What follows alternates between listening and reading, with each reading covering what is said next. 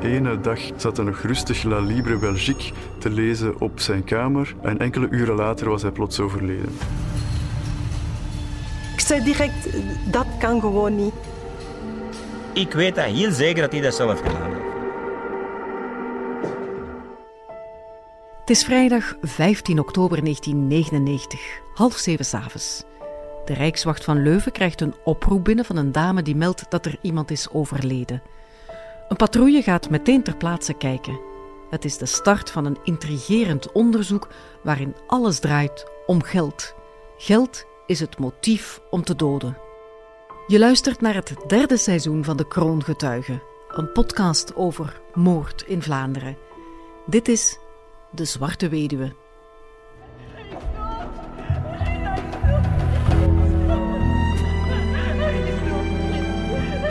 Ik begeef me als eerste in een woning, meer bepaald in de living. Daar was een zetel omgebouwd tot een bed eigenlijk. Daar lag een manspersoon op en die had een plastic zak over de kop getrokken. Het was vrij duidelijk dat hij was overleden. Wat we in die situaties moeten doen, dat is om te beginnen al uh, de toestand bevriezen. Het gaat om Roger de Buiserum, een weduwnaar van 69. Dan is het het verhaal aan horen van degene die ons heeft verwittigd.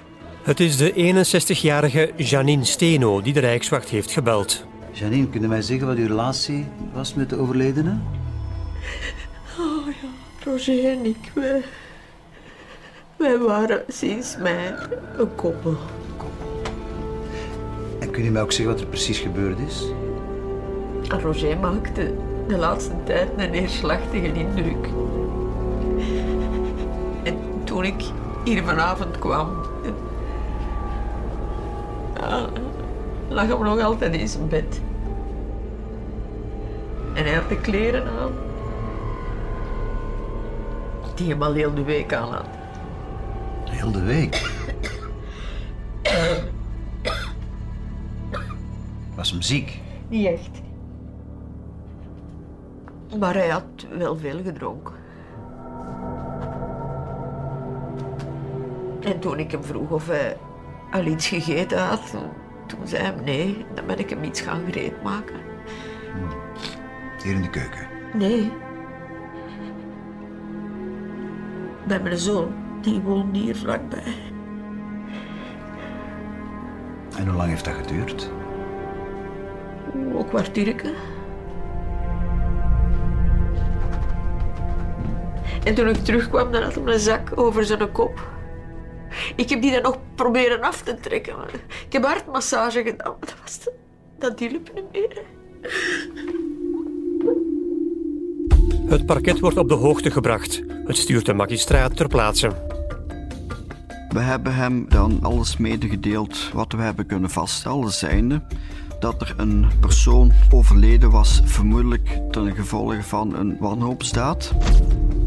In het appartement liggen naast het bed lege flessen alcohol en op tafel liggen pijnstillers en antidepressiva.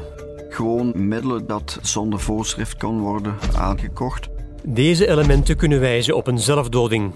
De substituut die heeft dan eigenlijk geoordeeld dat we gewoon de zaak konden afwerken als zijn een zelfmoord, een verdacht overlijden, maar uh, waar uh, waarschijnlijk uh, geen buitenstaanders mee betrokken waren.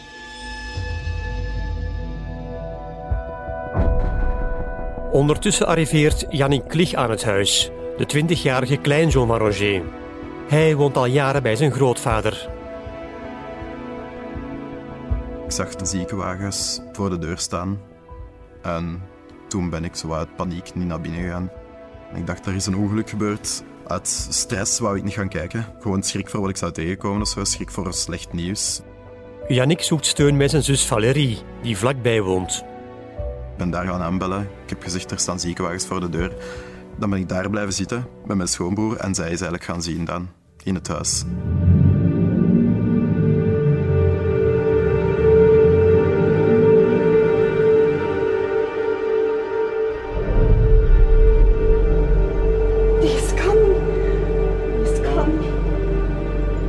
Kwam binnen en hij lag dan in die bed met een plastic zak op zijn hoofd. Ik schrik natuurlijk en ze zeggen tegen mij, die heeft zelfmoord gepleegd. Dus mijn eerste reactie van, oh, nee, dat, dat kan hier niet. Dit kan niet. Ik heb nog zoveel plannen. Dat kan ik niet op die manier mijn grootvader kennen. Ik kon dat niet geloven. Het zat niet in de karakter van mijn grootvader. Dus in het begin zei ja, maar dat is, dat is een shock omdat je ziet je grootvader. Uh, je kunt dat niet aanvaarden. Ik zeg nee, ik geloof er gewoon in. Mij hem kennende, dat lag absoluut niet in zijn karakter. Op zo'n manier, zo daar. Zegt, deze kan niet.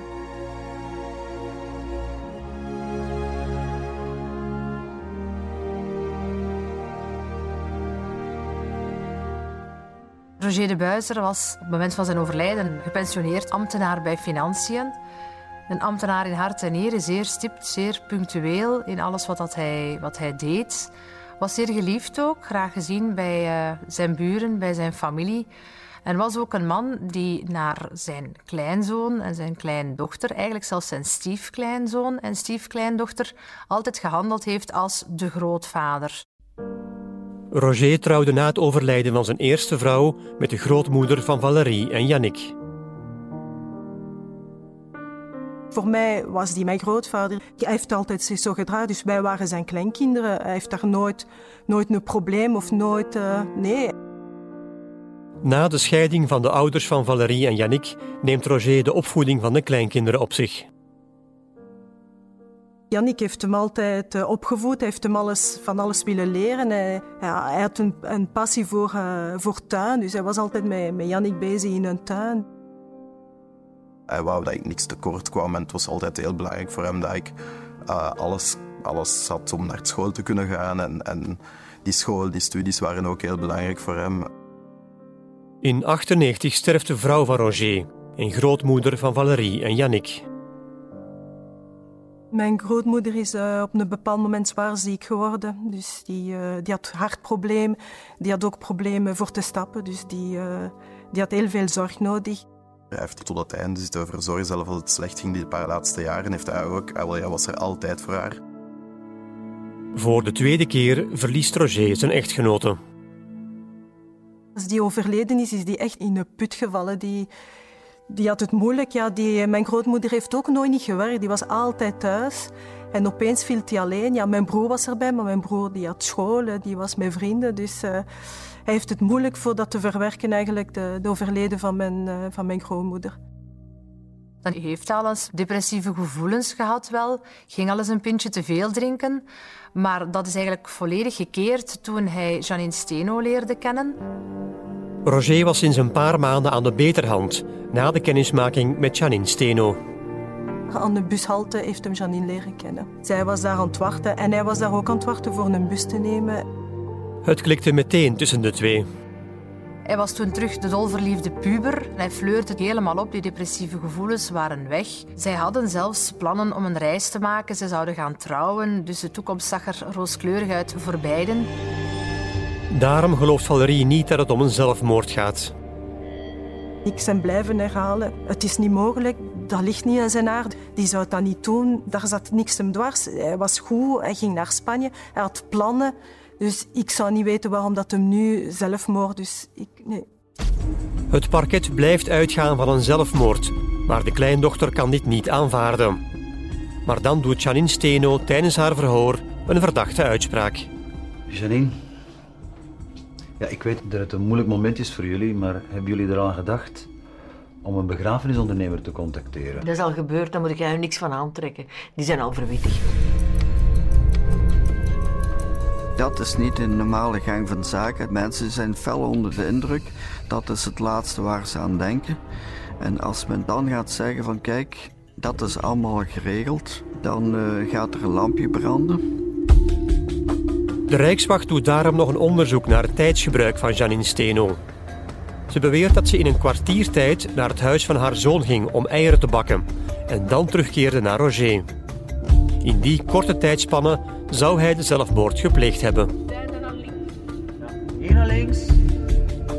Om dat na te gaan heb ik met Steno haar reisweg teruggereden in een dienstvoertuig, waar binnen geweest in dat uh, betrokken appartement. daar inderdaad die pan en die eieren aangetroffen. En dan teruggereden. En ik dacht dat ik dan zonder het eieren bakken, dat ik op 9 minuten 26 seconden was uitgekomen. Het tijdsgebruik lijkt te kloppen. Intussen heeft het parket een wetsdokter gevorderd voor een extra onderzoek op het lichaam van Roger de Buisseren. We beginnen met het verhaal te achterhalen.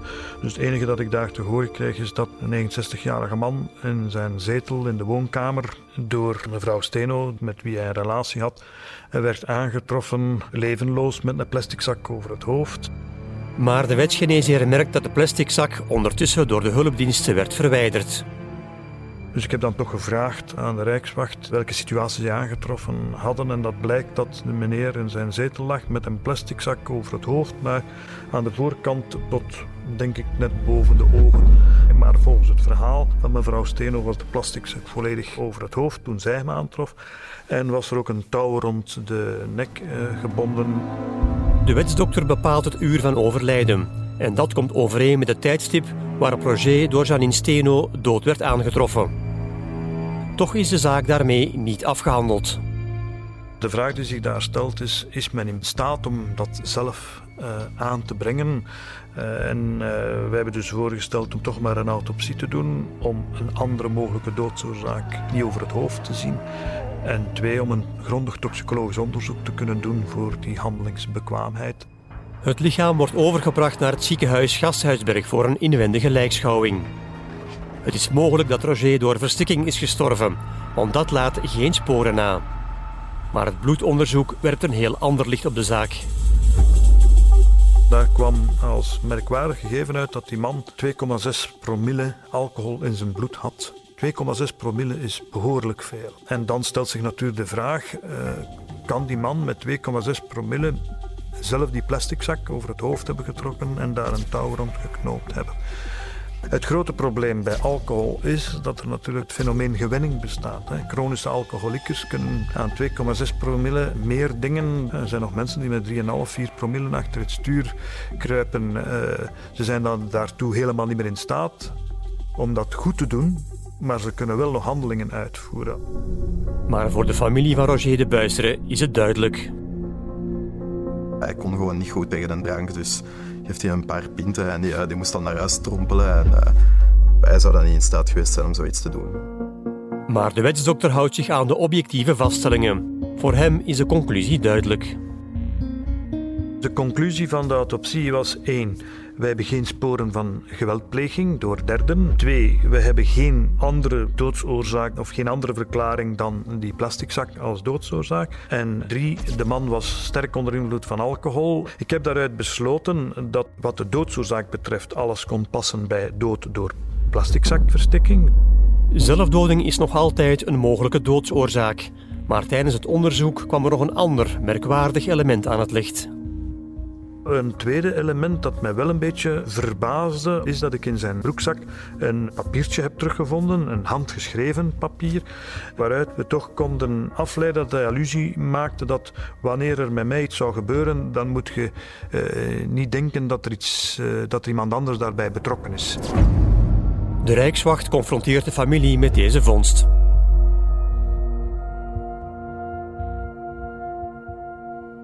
Als ik dat brief zag, ik herkende de aantekening van mijn grootvader, dat wel. Um, en ik dacht ook, in, zeg ja, mijn grootvader zou, moest hem zelfmoord gepleegd, zou hem dat nooit niet gedaan heeft zonder een brief.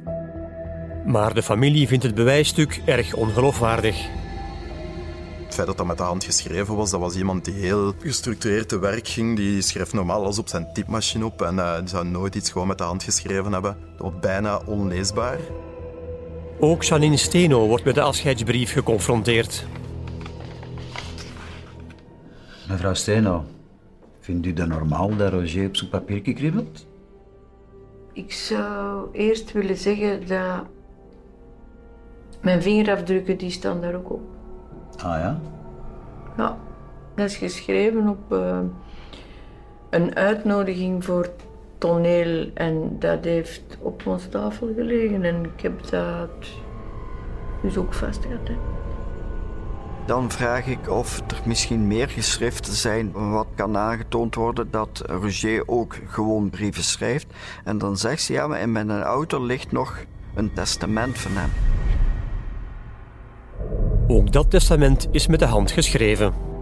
Ik zei direct, dat kan niet van, van hem zijn, want het was heel slordig geschreven. Dat was ook nooit geen rechte lijn, zo helemaal schuin geschreven, vol met, met uh, uh, doorgestreepte woordjes.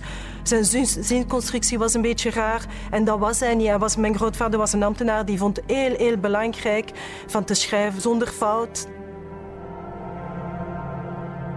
We zagen dat testament, wij dachten ja, dat klopt gewoon niet. Die deed alles via de officiële weg. Dus hij zou sowieso, moest hem zoiets gedaan hebben, zou dat via een notaris geweest zijn. Het is niet aan de Rijkswacht om de rechtsgeldigheid van het testament te onderzoeken. De speurders moeten na de conclusie van de wetsdokter een moeilijke beslissing nemen. Nadat er zoveel lichtjes zijn beginnen te branden, hebben wij eigenlijk op geen enkel moment zwart op wit kunnen bewijzen dat Janine Steno iets te maken zou hebben met het verdachte overlijden van Roger de Busseren. Het dossier is dan eigenlijk ook zonder gevolg geclasseerd en in de kast beland. De zaak wordt definitief afgesloten als een zelfdoding. Tot in 2002. Dan duikt er bij het parket van Leuven een nieuw handgeschreven briefje op. Het belangrijkste dat er eigenlijk op stond, dat was van mijn zus Steno is weer met rare zaken bezig. De afzender is een broer van Janine Steno. Hij wordt uitgenodigd voor een verhoor. Het ging erover dat er een verdacht overlijden geweest was van een oom van uh, mevrouw Steno, waarvan de hele familie dacht dat zij er de hand in had. Janine Steno heeft op dat moment een blanco strafregister. Het parket vraagt informatie op bij de Rijkswacht van Boutersum, haar vroegere woonplaats. Andere geschriften in je bezit? De meeste politiemensen houden een werkdossier bij. Uh, gelukkig hebben ze dat ook gedaan en vonden we nog tal van stukken terug uit oudere dossiers. Daaruit blijkt dat Steno toch al eerder in contact kwam met het gerecht. Maar ze had een herstel in eer en rechten aangevraagd. Daarom was haar strafregister weer blanco bleek dat mevrouw ooit veroordeeld was geweest voor het houden van een, wat men noemt, huis van ontucht, beter gekend als een bar, waar tal van klachten over waren dat er mannen gedrogeerd werden om hun geld te ontfutselen. Op een bepaalde dag hebben ze daar controle gedaan. Ze troffen daar een patiënt aan, uh, afkomstig van een rusthuis, die zij had meegenomen en die daar moest werken. En hoe raar dat ook klinkt, om daar te werken moest die man betalen. Steno werkte als verpleegster in verschillende rusthuizen. Ze nam soms bewoners mee naar haar bar Uiteindelijk is dat veroordeeld voor die feiten, maar na x aantal tijd kun je vragen om dat van de strafblad af te krijgen en daarmee staat zij blanco strafregister. Janine Steno heeft dus wel degelijk een gerechtelijk verleden. Wanneer de onderzoekers zich informeren bij de rusthuizen waar ze heeft gewerkt, komt er nog veel meer aan het licht. Wat bleek dan dat zij dikwijls aan de haal ging met bezittingen van de mensen? Wat proberen zij van mensen bezittingen afhandig te maken, ergens papier te verkrijgen, dat ze zeiden, oké, bij overlijden krijg jij mijn huis. Ze maakten daar al een keer een tour mee, ze ging dan een keer eens misschien niet mee drinken. Het was altijd kassa-kassa bij mevrouw Steno. Verschillende getuigen verklaren aan de speurders dat Steno misschien nog veel zwaardere feiten zou kunnen hebben gepleegd en heeft een gesprek kunnen hebben met de directeur van het rusthuis van uh, Roosbeek. Die directeur heeft zich uh, laten ontvallen dat hij Janine Steno als een soort engel des doods beschouwde, omdat in de periode dat zij daar te werk gesteld was, er toch wel opvallend meer overlijdens waren dan in normale periodes. Hoe dat, dat in elkaar zat of wat dat de reden waren van het hogere aantal overlijdens is nooit verder onderzocht geweest. De broer van Steno, die het gerecht op de hoogte heeft gebracht, beweert dat ze in dezelfde periode ook in de familie criminele feiten heeft gepleegd. Onze nonkelpater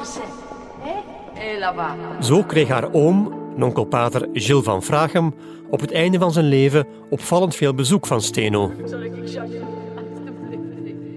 Gilles van Vrachem was toen een zeer belezen uh, man, een intelligente man die daar in dat rusthuis uh, goed verzorgd werd. Nonkel Gilles herstelde van een rugoperatie, maar was verder in goede gezondheid. Indien hij zou sterven, zou zijn erfenis gaan naar zijn jongere, alleenstaande zus Anna van Vragen. Maar plots duikt daar Janine Steno op en vertelt ze zelfs aan de zusters dat zij een volmacht had bekomen op al zijn uh, rekeningen, dat zij vanaf nu een volmacht had om het beheer van zijn vermogen waar te nemen. Voor de verpleegsters was dit erg verdacht. Gilles van Vragen was nog erg goed bij zijn verstand. Ze vroegen hem wat er aan de hand was. Van Vrachem heeft toen gezegd dat er helemaal geen sprake van was, dat hij nooit een volmacht had gegeven aan mevrouw Steno. En heeft zelfs nadien, om daarover geen enkele onduidelijkheid te laten bestaan, dat ook opgeschreven. Enkele dagen later overleed Gilles van Vrachem heel onverwachts. De ene dag zat hij nog rustig La Libre Belgique te lezen op zijn kamer en enkele uren later was hij plots overleden. Bleek dat hij de suikerspiegel toch wel een rare sprong had gemaakt. Maar ja, suikerspiegel en suiker, het is allemaal rap weg, dus er was niks abnormaal. Meneer wordt niet gecremeerd. En mevrouw Stenen kwam plots op de proppen met een handgeschreven testament waarin dat zij als enige begunstigde was. De dood van Gilles van Vrachem werd niet verder onderzocht. Was ook moeilijk, want uh, mevrouw Steno had opdracht gegeven van haar oom te laten cremeren. De onderzoekers ontdekken een duidelijk patroon in haar daden. En hoe dieper ze graven, hoe meer ze vinden. Zo zou Steno ook haar pijlen hebben gericht op een ander familielid, tante Nonneke Maria van Vragem. Op een bepaald moment had uh, Steno de familie verwittigd van uh, te zeggen van uh, tante Nonneke is heel slecht, ik denk dat ze gaat sterven.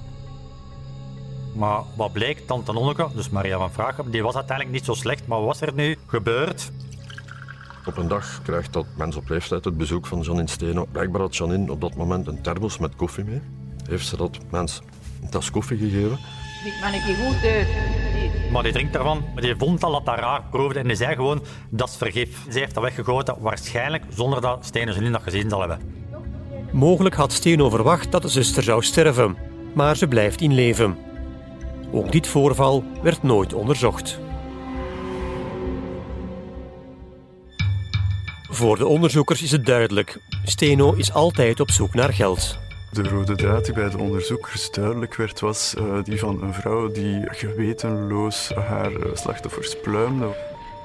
De verdachte feiten zijn te oud om nog grondig te kunnen onderzoeken. Maar de merkwaardige dood van Roger de Buisseren kan nog wel worden onderzocht. Janine Steno heeft intussen de erfenis van Roger al opgeëist. En dat op basis van een testament dat door de nabestaanden van in het begin werd aangevochten. Dat testament dat Janine Steno als enige begunstigde aanwees, kwam helemaal als een donderslag bij heldere hemel, omdat Yannick steeds als kleinzoon en als petekind de begunstigde was van een testament dat Roger de Buisser vele jaren eerder had opgesteld. Van waar dit testament dan kwam aanvliegen, was voor hen totaal niet te verstaan. De speurders komen ook te weten dat het gedrag van Janine Steno tegenover de kleinkinderen na de dood van Roger de Buisseren plots erg veranderde.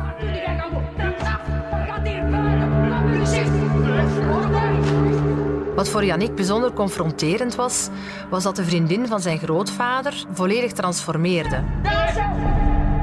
De oude vrouwtje werd plots een tang eigenlijk die niet snel genoeg het testament waarvan zij meende dat zij recht op was en dat uh, rechtsgeldig was, kon niet snel genoeg overgaan tot uitvoering daarvan. Ik moest zo snel mogelijk dat huis verlaten. Ik kreeg ook constant brieven van haar advocaat dan eigenlijk, dat ik uh, elke dag dat ik het huis niet verliet, moest ik dan uh, ging ik een schadevergoeding van 500 euro moeten betalen of zo. Hij liet zich niet onmiddellijk doen, omdat hij vond dat hij recht had op de woning, omdat hij altijd als erfgenaam werd aanzien. Maar het kon dus niet rap genoeg gaan.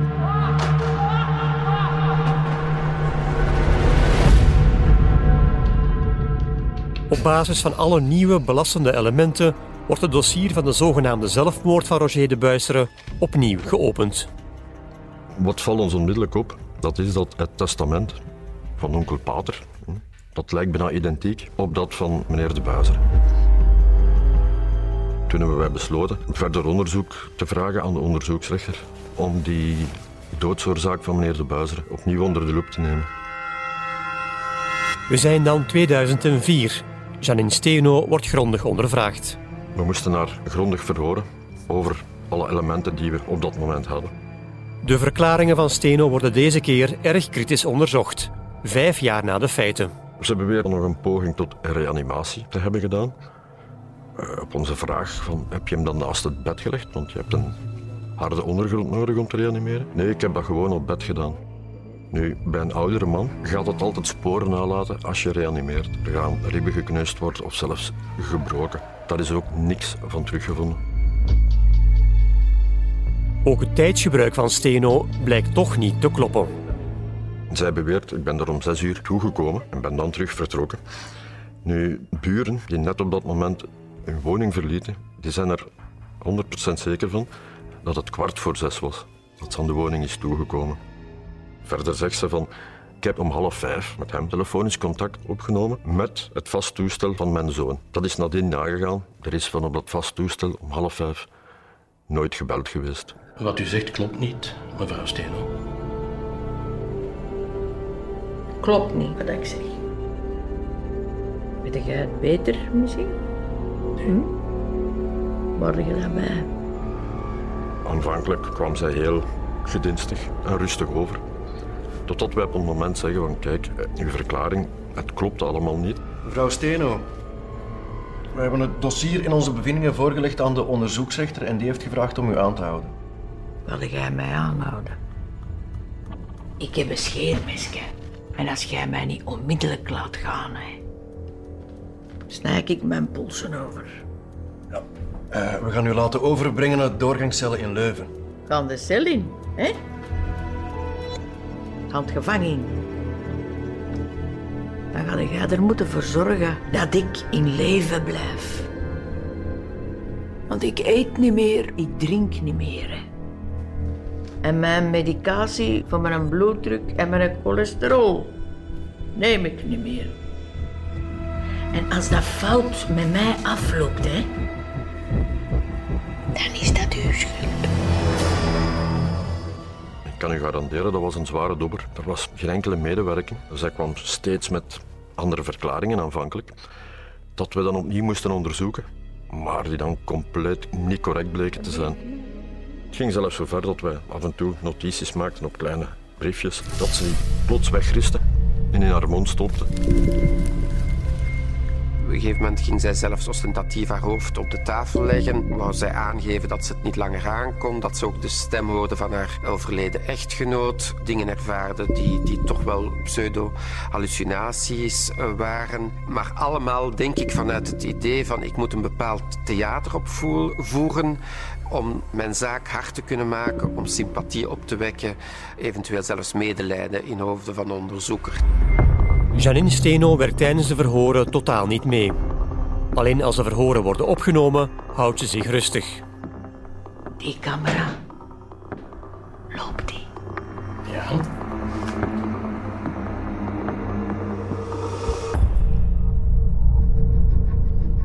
Om tien over zes ben ik naar het huis van mijn zoon gegaan. En een kwartiertje later ben ik teruggekomen. Steno is intussen ook uitvoerig onderzocht door een gerechtspsychiater. Hij heeft een verklaring voor haar extreme gedrag tijdens de verhoren. De persoonlijkheid van betrokkenen wordt kenmerkt door een drie grote persoonlijkheidskenmerken. Dat is het narcistische, het theatrale en het psychopathe. Als dat fout met mij afloopt, hè, dan is dat uw schuld. Het narcistische aspect is het hebben van een groot zelfbeeld. Een opgeblazen zelfbeeld, een groot gevoel van belangrijkheid. Dat narcistische element uh, gaat ook wel gepaard met zich het recht toe-eigenen om uh, zijn eigen wetten en zijn eigen normen te, te mogen stellen. Want ik eet niet meer, ik drink niet meer. Het theatrale is een stuk het manipulatieve, het wisselende emotionele, het gebruik van, van taal, van, van lichaamshouding om aandacht op zichzelf te trekken, graag in het centrum staan. En het psychopaten is een stuk het niet echt voeling hebben met normen en wetten, het manipulatieve, het gebruik van anderen uh, voor eigen voordeel en ook wel het gebrek aan inlevingsvermogen, wat dat zou kunnen betekenen voor slachtoffers. Verder onderzoek naar haar verleden levert nieuwe, verontrustende feiten op. Mevrouw Steno wordt verdacht van twee moorden, van Frachem en eh, de Buizeren. Men voert verschillende huiszoekingen uit. En bij een van de huiszoekingen treft men dan een document aan, een overlijdensattest van een zekere Martinus Bergman. Wie is Martinus Bergman? Dat was een huurder van mij. Maar die is al een paar jaar geleden gestorven. Kunt je iets preciezer zijn? Ja, moet zo. Twee jaar geleden? 2002, ja, dat moet zoiets geweest zijn. Waarom heb jij zijn overlijdensattest? Ik heb dat bewaard. Dat is duidelijk. Maar waarom?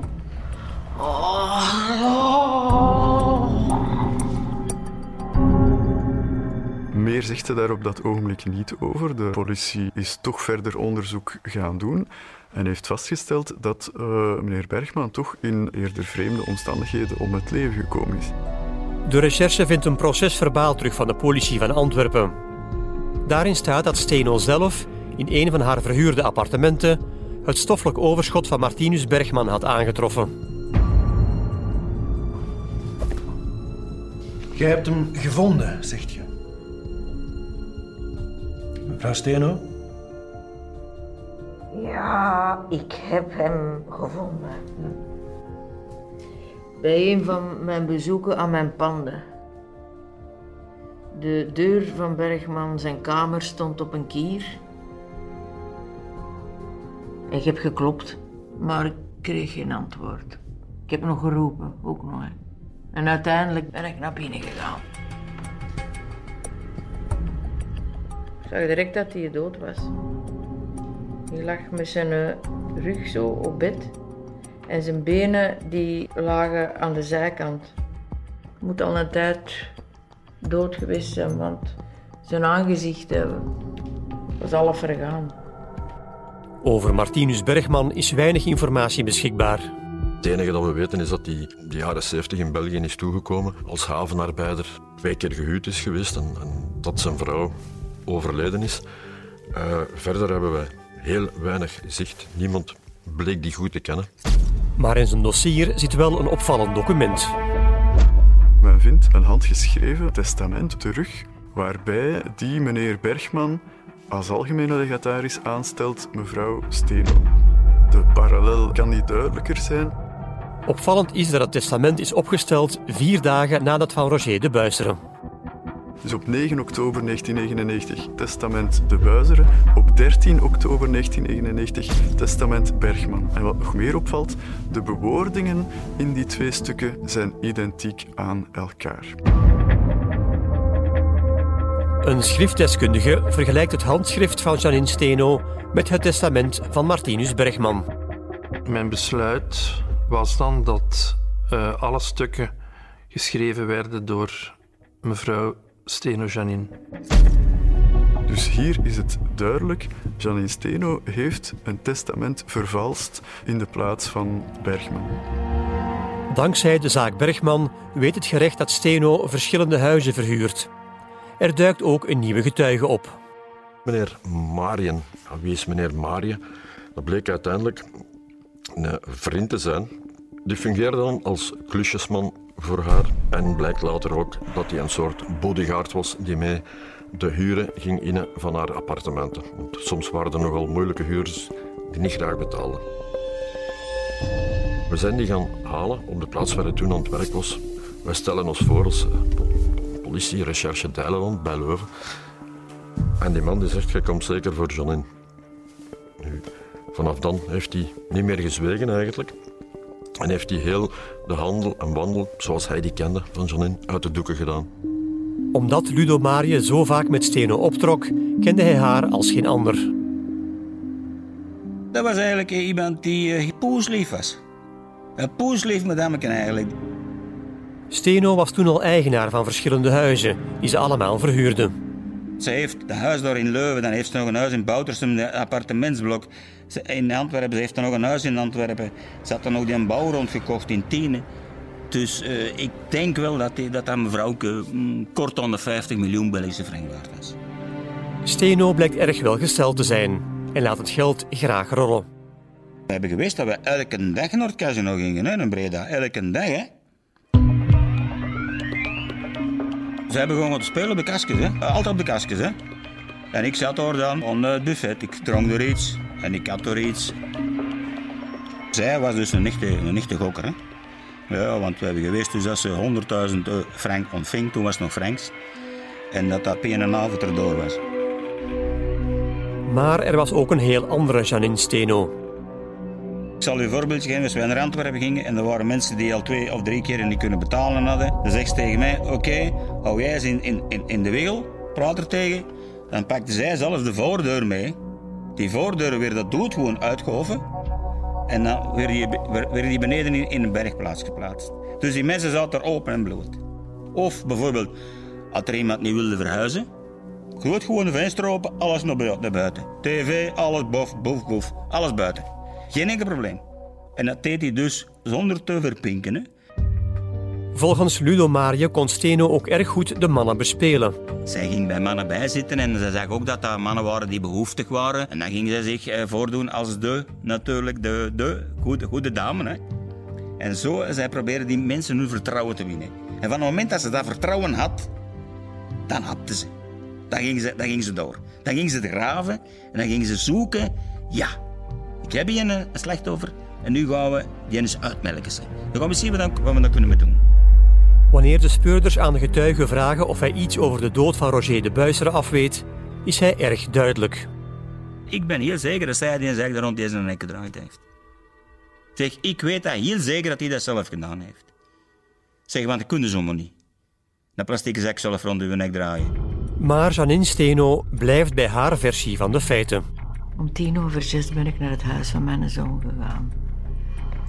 En een kwartiertje later ben ik teruggekomen. Dus op 15 minuten tijd beslist meneer de Buizer om zelfmoord te plegen. Hij gaat op zoek naar een plastic zak. Gaat naar boven, haalt daar een touw en een schaar, komt terug naar beneden, gaat op het bed liggen, doet de zak over het hoofd, het touw er rond en sterft. Ja. Ja, zo moet dat gegaan zijn. Bij de autopsie, mevrouw Steno, hebben we een alcoholgehalte van 2,6 promille gevonden in het bloed van meneer de Buizer. Dat betekent dat hij behoorlijk dronken was. Ik heb daar niks van gemerkt. Los daarvan of dat u het gemerkt hebt of niet. Het is voor meneer de Buizer zo goed als onmogelijk om met dergelijk alcoholgehalte al die handelingen te doen. Ja, je zegt het zelf, hè. Zo goed als. Dat is nog niet hetzelfde als onmogelijk, hè? Mevrouw Steno, vindt u het niet eigenaardig dat meneer de Buizeren beslist om zelfmoord te plegen als hij weet dat u 15 minuten later terugkomt? Ik, ik weet ook niet wat er die een dag allemaal in, in zijn kop omging.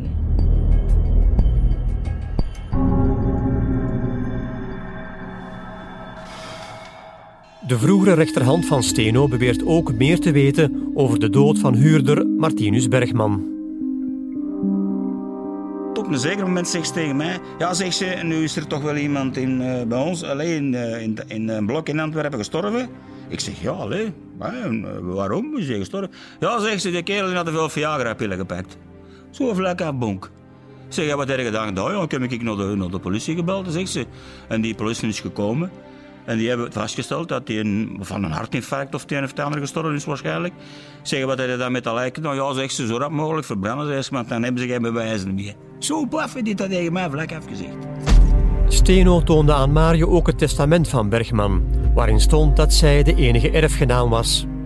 De onderzoekers confronteren Steno met al deze belastende elementen. Hoe komt het dat jij de enige begunstigde bent in het testament van meneer Bergmans? Dat weet ik toch niet. Ik weet alleen dat hij me dat gegeven heeft, te zeg. Waar en wanneer heeft hij dat geschreven? Op het strand van Sint-Anneke. Waar haalde hij daar een plots pen en papier vandaan? Hij had een aktentas bij. Hij zat op het strand van Sint-Anneke met een aktentas. Ah, geloof je dat niet zelf? Nee, eigenlijk niet, nee. Waarom zeg je het dan? Dat weet ik niet zomaar. Zomaar? Misschien moet je dan eens beginnen om ons zomaar de waarheid te vertellen. Ik weet alleen dat hij mij dat testament gegeven heeft met de woorden: dat is voor u. Ga daarmee naar de notaris. Ik heb dat dus aangepakt. Je moet er allemaal geen vragen bij stellen. Zeg. De vele verhoren leveren niets op. Na een lang aandringen is Steno bereid om een test met een leugendetector te ondergaan. Uiteindelijk geeft ze toestemming en krijgt ze van de polygrafist een zeer uitgebreide uitleg, waarbij gezegd wordt van kijk, uh, als we vragen stellen en je geeft antwoord, op dat moment moet je zien dat je niet opwint, dat je ademhaling, je hartslag, dat die gelijk blijven, dat je vooral niet beweegt. U moet absoluut blijven stilzitten, mevrouw. Dat doe ik toch. Nee, u zit te wiebelen. Ik ben zenuwachtig. Mag dat? Was u in de loop van 1999 op het strand van Sint-Anneke? Wat vraagt jij nu? Kunt u met ja of nee antwoorden, alsjeblieft? Ik begrijp die vraag niet. Het is nogthans een eenvoudige vraag. Als ik het niet versta, dan versta ik het niet. Punt. Hebt u iets te maken met de dood van Roger de Buizeren? Wat, wat, wat vraagt? Hebt u iets te maken met de dood van meneer de Buizeren? Ik versta niet waarom dat jij dat vraagt. Hebt u meneer Bergman gedicteerd wat er... Wat gebeurt er? Ik, ik krijg geen lucht. Ook... Ik heb de indruk dat je ons tegenwerkt. Oh, dat is niet waar. Oh, ik heb u mijn volledige medewerking gegeven, punt. Maar er is een, een, jurist en een dokter en die hebben allebei gezegd op voorhand al dat die test geen enkel nut zou hebben. En waarom niet? Ja, ik heb tien jaar geleden een hartstilstand gehad. Dat heeft geen enkele invloed op de test. Het is alleen maar omdat u onverhoedse bewegingen maakt. Steno manipuleert voortdurend de test. Het resultaat is waardeloos. Nu, ik denk, moest ik daar als beschuldigde zitten en ik beweer dat ik onschuldig ben, ik zou er alles aan doen om heel rustig te blijven zitten, om toch mijn onschuld te kunnen bewijzen. Voor het gerecht staat de schuld van Steno vast, maar er zijn geen materiële bewijzen. In afwachting van het proces wordt je vrijgelaten. Pas negen jaar later, in 2013, start het proces voor het Hof van Assise van Leuven. Al die tijd liep Janine Steno vrij rond. Ondanks de vele aanwijzingen in het dossier dat Janine Steno mogelijk de hand heeft gehad in verschillende overlijdens, zijn er uiteindelijk maar twee verdachte overlijdens voor het Hof van Assise voorgebracht. Enerzijds omdat een aantal feiten zodanig lang geleden waren gebeurd dat ze verjaard waren en er geen strafvordering meer kon worden ingesteld, maar ook omdat Janine Steno sluw genoeg was om ervoor te zorgen dat er niet altijd bewijselementen waren en men moet nog altijd voldoende bewijs hebben natuurlijk om iemand voor te brengen. Uiteindelijk staat Janine Steno terecht voor de moord op Roger de Buisseren en op Martinus Bergman. De verdachte dood van onkel Gilles van Vrachem is verjaard. Uiteindelijk is het assiseproces in 2013 gebeurd, dat is dan 14 jaar na de feiten. En dat is in heel die tijd, was mijn, mijn geloof in het rechtssysteem, dat was gewoon weg. Ik dacht, het werkt gewoon niet. Yannick en Valerie waren bijzonder zenuwachtig, maar ook ongerust, omdat het nooit 100% duidelijk is dat de twaalfkoppige jury overtuigd gaat geraken van de bewijslast die er wel of niet was. Ook al was het duidelijk dat ze het gedaan had, die advocaten die spelen eigenlijk gewoon in op, op die emoties van die jury. Die zeggen van die zaken van ja, pas op, want uh, ik zou nooit meer kunnen slapen moest ik iemand vastzetten. En uh, laat ons niet vergeten, er is geen duidelijk bewijs. Janine Steno blijft ook op het proces halstarrig ontkennen. Ik heb niks gedaan, dat was haar laatste woord. Ik heb niks misdaan, ik heb niks gedaan. Dus ze stond recht en ze zei, ik heb niks gedaan. Maar de jury beslist er anders over. De beschuldigde Janine Steno heeft koelbloedig en beredeneerd het leven ontnomen van een gerespecteerd en geliefd man, die ook haar liefhad en vertrouwde, zonder enige andere aanleiding dan haar eigen drang diens bezittingen te verwerven. Schuldig aan moord op Roger de Buisseren, maar onschuldig in de zaak Martinus Bergman. Er waren misschien ook onvoldoende bewijselementen. Feit was ook dat het een alleenstaande man was die zelf niet vertegenwoordigd werd op het proces, waar niemand zijn stem heeft kunnen laten horen, wat mogelijk kan hebben meegespeeld in de overtuiging van de jury. Voor de moord op Roger de Buisseren krijgt ze 25 jaar cel. Dat is vier jaar meer dan de eis van het Openbaar Ministerie.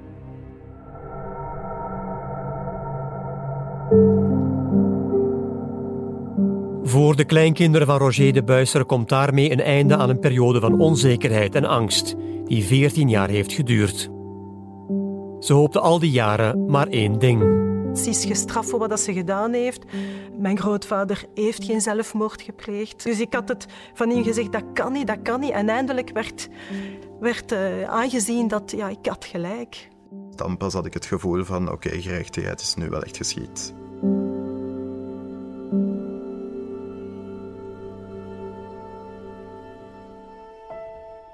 Janine Steno zit nog altijd in de gevangenis. Ze is nu 84 jaar. Tot op vandaag blijft ze alles ontkennen. Daardoor komt ze voorlopig niet in aanmerking voor een voorwaardelijke vrijlating. Ze is veroordeeld tot 25 jaar cel en heeft daar op dit moment bijna 10 jaar van uitgezeten. Dit was De Zwarte Weduwe uit het derde seizoen van De Kroongetuigen, een podcast gebaseerd op de gelijknamige televisiereeks. Beluister ook onze andere waargebeurde misdaadverhalen op hln.be, in de HLN-app of via de andere podcastkanalen.